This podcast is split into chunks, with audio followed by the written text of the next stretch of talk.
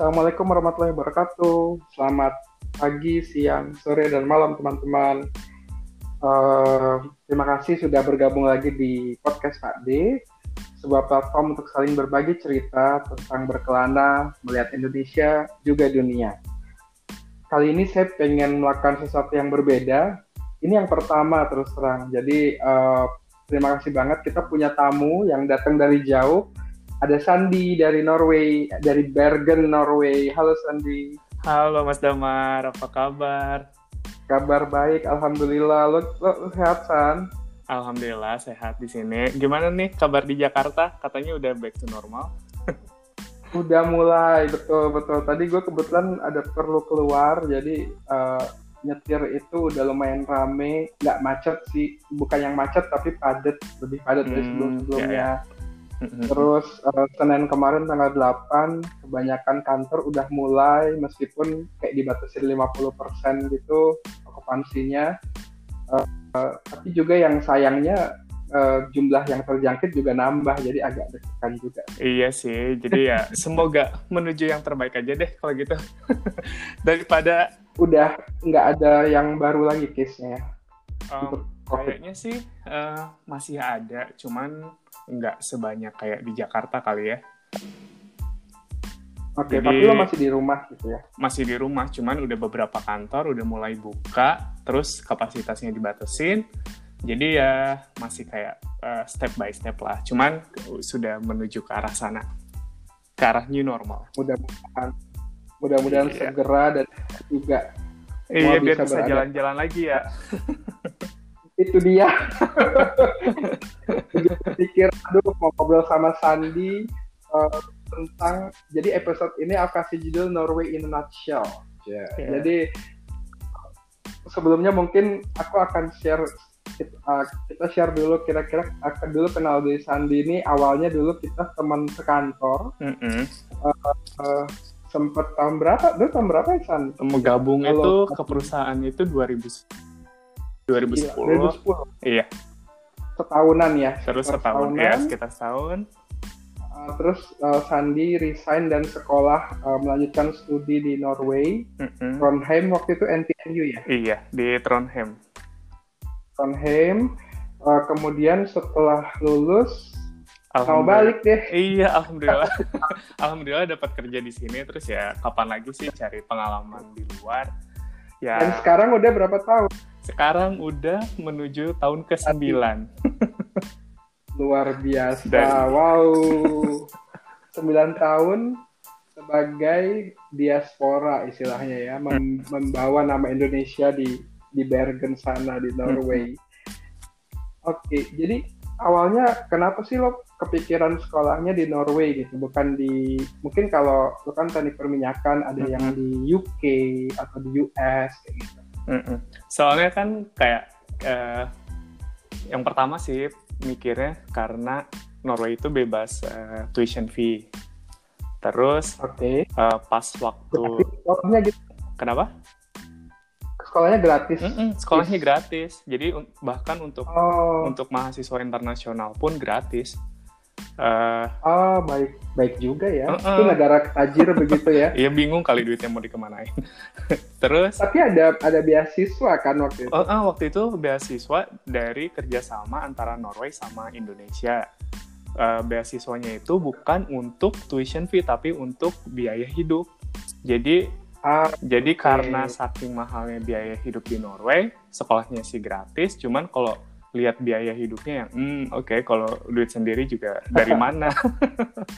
Betul betul iya betul, cuman betul. Uh, karena banyak uh, alumni waktu S1 uh, eh, dapat beasiswa atau ngelanjutin studi di Norway terus jadi kepikiran terinspirasi nyoba apply eh dapat emang udah rezeki oh, sih kayaknya. Alhamdulillah. alhamdulillah tapi emang ini salah satu yang the brightest sih. Dulu zaman uh, Sandi baru masuk kebetulan saya dan teman-teman yang yang udah lebih duluan kerja di kantor kita itu lagi S2 terus kalau ada tugas kita carinya Sandi Sandi cari semua anak-anak graduate ya iya yang masih fresh. iya, sekarang sih kalau Ini gimana?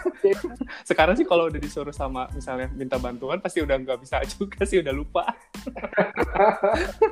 Tapi itulah karena kebaikan hatimu, kamu dimudahin sekolahnya Amin. kerja di sana. 9 tahun luar biasa.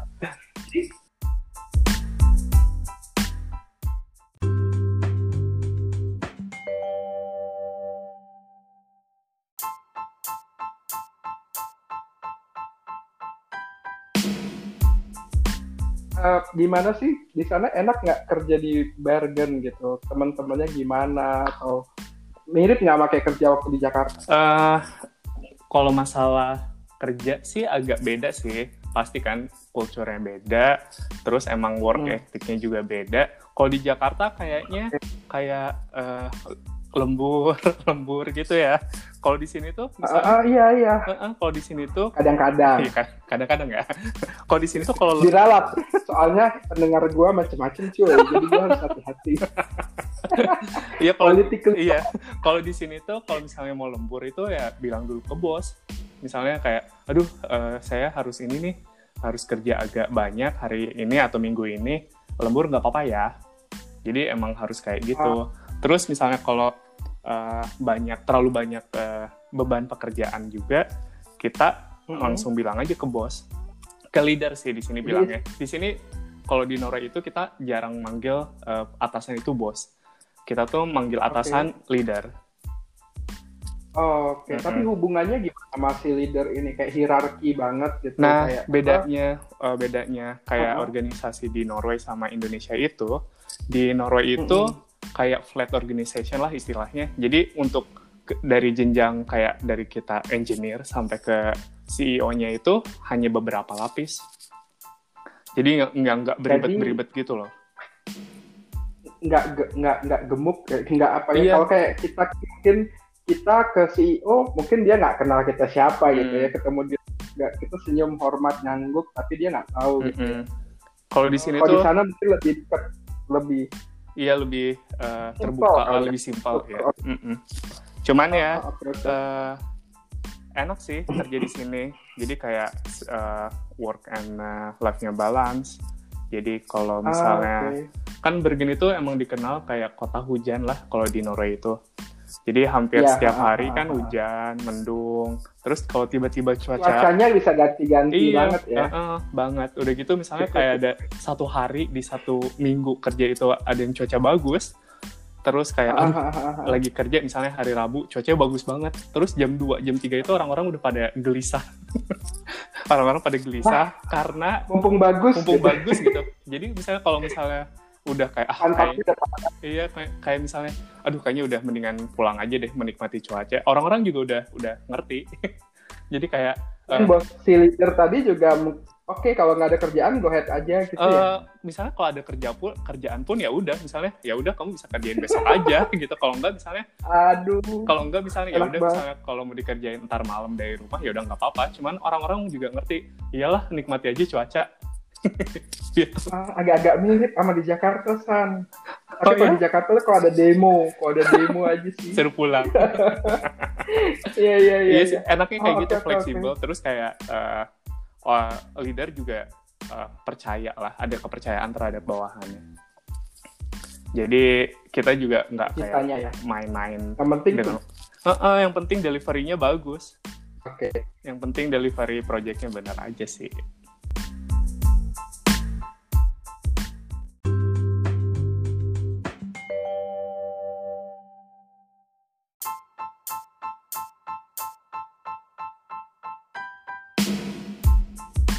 kantor eh, hangout juga san maksudnya misalnya kayak Jumat malam makan Eh, bareng kadang-kadang iya kadang-kadang di sini tuh kita ada yang namanya kayak eh, drinking Friday gitu jadi kayak Oke. keluar keluar kayak Jumat malam atau Kamis malam terus kayak ah. hangout hangout gitu cuman kayak karena kolega banyak yang udah ber- berkeluarga jadi Iya. agak-agak ini sih agak-agak tricky nyari jadwalnya jadi kadang-kadang ada yang nggak bisa ada yang harus nganterin anaknya beraktivitas tapi in a way sih kadang kita kayak eh, sebulan sekali kayak hangout keluar lah itu Gitu. setim atau atau sama tim lain juga biasanya Eh, biasanya satu tim.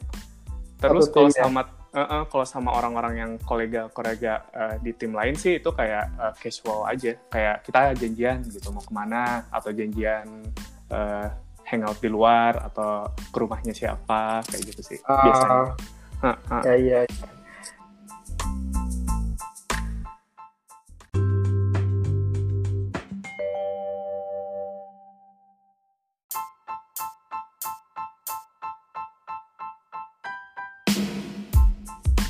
Eh, kalau di sana sekarang cuaca lagi gimana, San? Cuaca Mau- lagi amazing. Summer, summer ya? Eh, hampir summer. Eh, ini kayak akhir out, akhir eh, spring, akhir musim semi, udah menuju menuju summer sih. Jadi bapak kakinya gatel dong pengen hiking sana sini. Iya, ini cuaca lagi bagus banget. Parah. Oke. Cuaca eh, lagi lumayan anget juga, lagi kayak di atas 15 lah. Di atas atas. 15 itu hangat ya. Iya. Udah anget. iya, soalnya biasa di bawah 10. AC-nya aja nyetarnya di dua. iya, di sini mah kita malah butuh ini kehangatan. Matahari juga cakep ya. Ah, karena waktu itu kan aku ke pas ke Bergen ke tempatnya Sandi juga Mei. Itu juga mostly sunny ya. Mm-mm. Jadi kayak bulan Mei, Juni itu biasanya cuaca oke. Juli agak-agak Oke. hujan. Kayak gitu sih. Cuman Oke. minggu ini emang lagi oke banget. Ah, cakep. Kalau kita berandai-andai nih, sekarang lagi Hmm. nggak corona, traveling lagi nggak dibatasin, Mm-mm. Uh, lo biasanya pengen jalan ke mana nih kalau cuaca lagi cakep kayak misalnya weekend trip atau apa tuh biasanya ngapain aja sih? Eh, if, eh, biasanya sih kalau lagi nggak ada corona gini cari weekend trip kalau nggak ya hiking di sekitaran Bergen aja sih terus kayak eh, jalan-jalan keluar kota paling ke Oslo kalau nggak ke Stavanger ngunjungin teman kayak gitu sih terus ujung-ujungnya juga paling kayak kalau ke Stavanger ya ngapain lagi selain hiking Hmm, jadi emang uh, mungkin kita jelasin dulu ke teman-teman Mm-mm. Norway itu ibu kotanya adalah Oslo ya. Oslo ya Uh, Hmm. biasanya kalau terb- terbang-terbang internasional tuh mostly ke Oslo, tapi ada juga yang langsung ke Bergen dan Stavanger ya. Eh, Kota-kota biasanya gedenya. sih, iya biasanya kalau kayak ke eh, dari Indonesia itu terbangnya Mhm. either ke Amsterdam, kalau Oke. enggak ke Oslo, terus biasanya ada penerbangan langsung ke kota-kota yang kayak Bergen, Stavanger, Trondheim. Bergen, Bergen, Stavanger, Trondheim ini selain kota kota minyaknya juga sama kota pendidikan ya, karena kampus-kampus gede itu ada di di, di sini ya di kota-kota. Mm-mm. Eh, iya, kalau di Norway itu enaknya kayak universitas-universitas yang besar itu nggak numpuk di satu kota. Jadi universitas-universitas yang besar itu ada di beberapa eh, kota, terus eh, dan juga ada juga universitas yang besar di Norway bagian utara banget di Tromsø. Oke. Jadi nggak nggak semuanya kayak satu tempat. Eh, Misalnya kalau kita Jakarta, Jawa gitu ya, Jakarta, Jawa. iya nggak di Jawa semua gitu, ada di Penyebarnya Sumatera lah. Jadi orang-orang banyak pilihan sih sebenarnya. Jadi kayak Oslo ke Bergen itu berapa jam? Sejam flight ya kalau nggak salah sana? Eh, kalau kalau naik pesawat sekitar 45 menit, 50 menit 45 lah. menit ya. Uh-uh. Kalau kalau after naik sedikit kereta, beda kalau naik kereta itu sekitar 5-6 jam deh kalau nggak salah. Cuman 5-6 pemandangannya itu loh.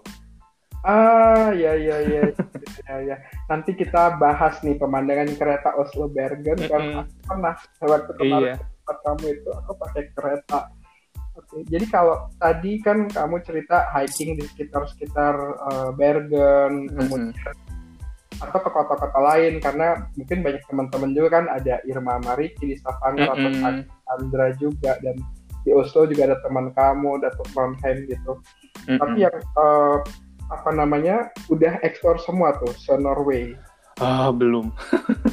Belum Pengen juga ya? banget. Iya, cita-cita itu kayak road trip ke daerah selatan satu kali, terus ke, ah. ke daerah utara satu kali gitu. Jadi kayaknya emang- Eh-eh, pengennya tuh road trip nyetir gitu. Kapan, Cuman belum ada Aku mau kesempatan. daftar. mau daftar. Iya, ayo, ayo. Kita. Jadi kayak kayak summer itu kan paling enak banget sih buat jalan-jalan di Norway. Selain Oke. mataharinya hampir satu hari kan, jadi kayak kita banyak energi, Banyak waktu Terus, juga. Eh-eh, Maksudnya kayak- banyak waktu. Jadi kayak nggak pergi dari rumah misalnya jam 7 malam juga masih kayak jam 3 siang gitu. Hmm, Jadi, iya, iya, iya, iya. Kalau summer itu emang paling enak buat kayak hiking, buat jalan-jalan road trip, terus kayak menikmati udara luar sih paling enak summer sih. Ah, I see. Oke, oke, oke. Em, terus, terus em, kalau Norway itu juga terkenal sama tempatnya ada aurora borealis ya. Oh iya ya. Hmm. Pernah lihat, pernah pernah ngalamin, pernah lihat juga ya San? Iya, waktu eh, sekolah di Trondheim kan Trondheim itu udah termasuk bagian agak utara ya. Lebih Terus utara, ti- eh, eh, mendekati Ah, lebih- kutub gitu ya. Eh, iya, jadi kayak Oslo itu kayak satu satu eh, area satu apa sih namanya? Satu bujur ya, satu lintang. Satu garis lintang ya. ya, satu garis lintang sama Bergen. Dan Terus sama Stavanger. Trondheim itu iya, Trondheim itu lebih utara. Terus Hmm. waktu waktu eh, sekolah di Trondheim itu alhamdulillah kita bisa lihat eh, aurora dari Trondheim. Jadi sekitar kayak bulan Oktober keluar kota akhir, juga. eh, eh, nggak perlu. Itu malah dari kamar bisa lihat. Allah, luar biasa.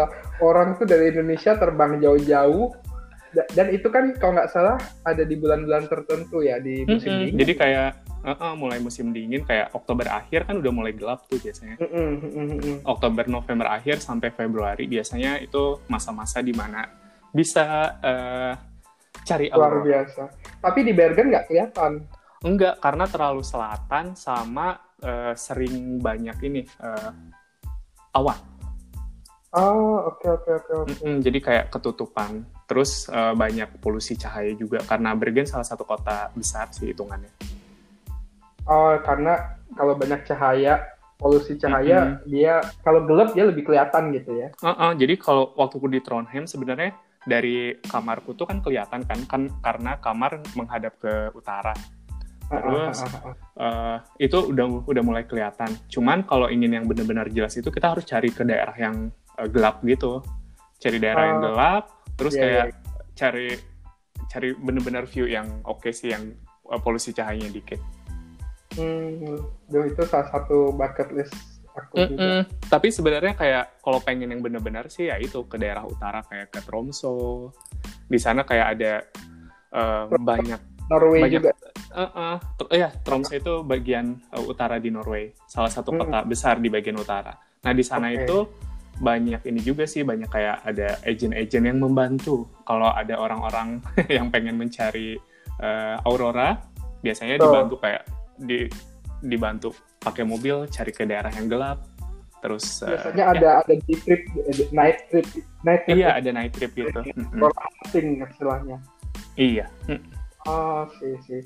Kalau tadi hiking, kalau tempat favorit kamu hiking ke mana San di Norway? Either dekat Bergen. Eh, di dekat Bergen itu kita di Bergen itu sebenarnya terkenal sama tujuh gunung.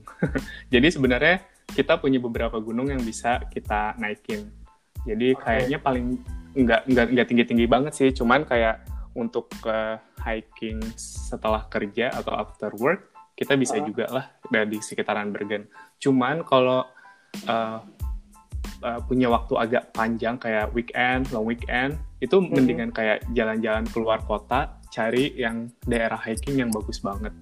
Kayak Oh. dari waktu itu pernah sih kayak jalan atau hiking ke daerah eh, uta sekitar 6-7 jam dari Bergen eh, Oke. driving, Oke. tapi itu eh, hikingnya bagus banget sih Namanya apa itu- tuh? namanya Rumsdal Egen itu bagus banget sih jadi kalau nanti kalau kalian Google cari Egen Maaf, itu maaf, pemandangannya. itu kayak nulis bahasa Indonesia aja double G Egg. and- iya. Oke. itu bagus banget sih cuman kayak kalau untuk eh, teman-teman yang datang dari Indo sih Mm-mm. kalau pengen hiking dan pengen ngeliat yang benar-benar spektakuler dan gak begitu susah, salah satunya Mhm. adalah di daerah Stavanger. Contohnya Stavanger. Prekestolen. Oke, kalau tadi si Rufdalshagen itu lebih susah ya levelnya lebih advance Iya. hiking. Rum, Romsdal Egen. Rumsdalegen susah kali Iya. pun. Aku udah catat ini ya padahal. Oke Iya, oke. Itu Tapi itu agak-agak agak demanding sih, cuman uh, pemandangannya oke banget. Tapi rata-rata kan kalau kita hiking di luar tuh uh, tracknya udah jelas gitu ya. Maksudnya meskipun mm -hmm. bukan yang pave, tapi paling nggak udah jelas ada petunjuknya belok mana mm -hmm. belok mana gitu. Iya, bahkan uh, di sini tuh ada uh, aplikasi di handphone yang bisa nunjukin semua uh, hiking routes di Norway. Oke uh, oke. Okay, okay. Jadi emang Masuk. udah gampang uh, sama mm -hmm. track-tracknya itu udah ada kayak tanda-tanda. Jadi emang sebenarnya hiking friendly lah hitungannya kalau hiking di Norway ini. Tapi kalau ya tadi ya kalau misalnya bulan-bulan segini suhunya sekitar masih belas-belasan juga. Jadi mungkin teman-teman nanti yang mau ke sana untuk hiking harus prepare kayak windbreaker atau jaket mm -hmm. gitu ya. Iya, kadang-kadang kadang-kadang kalau kayak bulan Mei Juni ini kadang-kadang mm -hmm. suka hujan sama tiba-tiba dingin. Kalau anginnya, ya, uh, uh, anginnya. anginnya. Cuman tergantung daerah juga Mas Dam. Kalau misalnya hiking okay. di daerah kayak Norway Selatan, biasanya bulan Juni ini udah agak mulai-mulai hangat. Oh, oke. Okay. Hangatnya Jadi, berapa? San? Dua puluhan bisa Dua puluhan iya, dua puluhan. Okay. Nice. Terus kar karena mataharinya nyengat banget, kadang huh? kayak kayak bikin kita kebakar juga sih. Wow. Mm -mm. Gak kadang kalau di luar tuh memang gitu ya kita asik hiking di outdoor, uh -uh. jogging berizing angin gitu tapi kita lupa pakai sunscreen padahal itu bahaya trik juga sebenarnya cuman nggak uh, itu trik banget katanya adem-adem aja gitu iya mm-hmm. aku aku pernah tuh kemarin waktu ke sana di Stavanger aku tuh hikingnya yang ecek-ecek Dalsnuten aja sih San Iya itu juga salah. Nah, itu biasanya kayak uh, Dalsnuten itu kayak uh-huh. itu hiking routes yang biasa orang-orang ambil kalau habis kerja kayak aduh habis kerja agak suntuk nih. Sore gitu ya. Uh -uh, jadi ke Dalsnutan gue kayak setengah hari sih kemarin pagi di drop Ricky terus ditinggal buat trekking ke atas makan turun gitu tapi pelan pelan iya. ya tapi iya. angin, angin view-nya cakep banget view-nya view-nya mm -hmm. kota kemudian si apa kanalnya itu mm -hmm. kemudian anginnya yang kenceng banget sih memang luar biasa iya apalagi Stavanger itu terkenal kota angin kota angin di sana tuh gue pernah ngalamin hujan yang horizontal iya emang aduh jadi kangen aduh ya, kangen ya? terus, terus terus terus aduh tapi belum sampai ke Prekestolen karena kemarin waktunya nggak nggak nggak Iya, kurang kalau Mas Damar satu hari tambah, mungkin kita ke Prekestolen. Soalnya aku pergi ke Prekestolen loh. Abis kan kita barengan tuh ya, terus iya. aku pulang lanjut sama teman-temanmu ke Prekestolen ya. Uh, uh, iya. Oke, tapi itu... Dan itu pas bulan puasa loh, inget. Yes, bener. Kita, aku terakhir uh, uh. di sana tuh udah puasa. Nah, kamu kan tahu ya aku seberapa physical fitnessnya. Aku bisa nggak nih Prekestolen, San? Bisa sebenarnya. Prekestolen itu salah satu kayak uh, hiking friendly. routes yang friendly sebenarnya. Uh. Jadi bisa dari anak kecil sampai orang tua. Jadi emang eh, nggak uh, usah takut sama kayak kondisi badan sih sebenarnya. Di bawah santai aja. Walaupun misalnya okay. kayak ngecek uh, rutenya rute ke Prekestolen itu dari titik mulai itu sekitar uh, pulang pergi kayaknya 8 km. Mm -mm. Terus kalau uh, jalan normal sih sekitar 4-5 jam pulang pergi. Jadi oh, sebenarnya kalau kita pergi pagi, terus jalannya santai, terus menikmati ya sore. Pulang, iya pulang sore ya masih oke. Okay. Masih terang gitu ya. Uh -uh, masih... Terus kayak di perjalanan hiking ke atasnya itu juga oke okay sih bisa foto-foto, terus bisa ya udah bisa sambil duduk atau itu doang sih Uh, uh, jadi sebenarnya itu foto-foto. iya sebenarnya nggak usah ini sih, nggak usah kayak khawatir sebenarnya. Kalau ya, iya. ah, iya. Sama banyak biasanya di, di petnya udah jelas. Terus mm -mm. kalau ada percabangan tuh biasanya kalau di sana kan ada panah kiri ke puncak sekian jam kanan iya. sekian jam. Jadi kita bisa milih yang pendek, yang panjang sesuai dengan fitur. Iya. Mm -mm. Dan banyak tempat-tempat istirahat juga biasa di tengahnya mm -hmm. foto tadi ya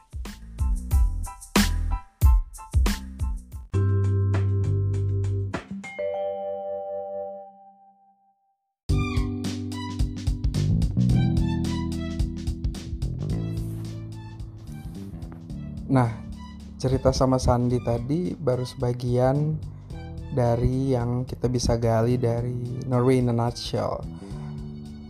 Tapi mungkin minggu ini kita uh, cukupin sampai situ dulu ya biar masih seru nih.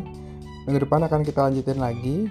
Kalau tadi uh, saya sudah cerita tracking saya yang ecek-ecek ke Dallas Newton yang sebenarnya enteng banget kira-kira di episode ke depan saya dan Sandi akan cerita lagi mengenai eh, tempat-tempat yang sempat saya explore waktu saya ke Norway. Jadi sampai ketemu minggu depan ya. Bye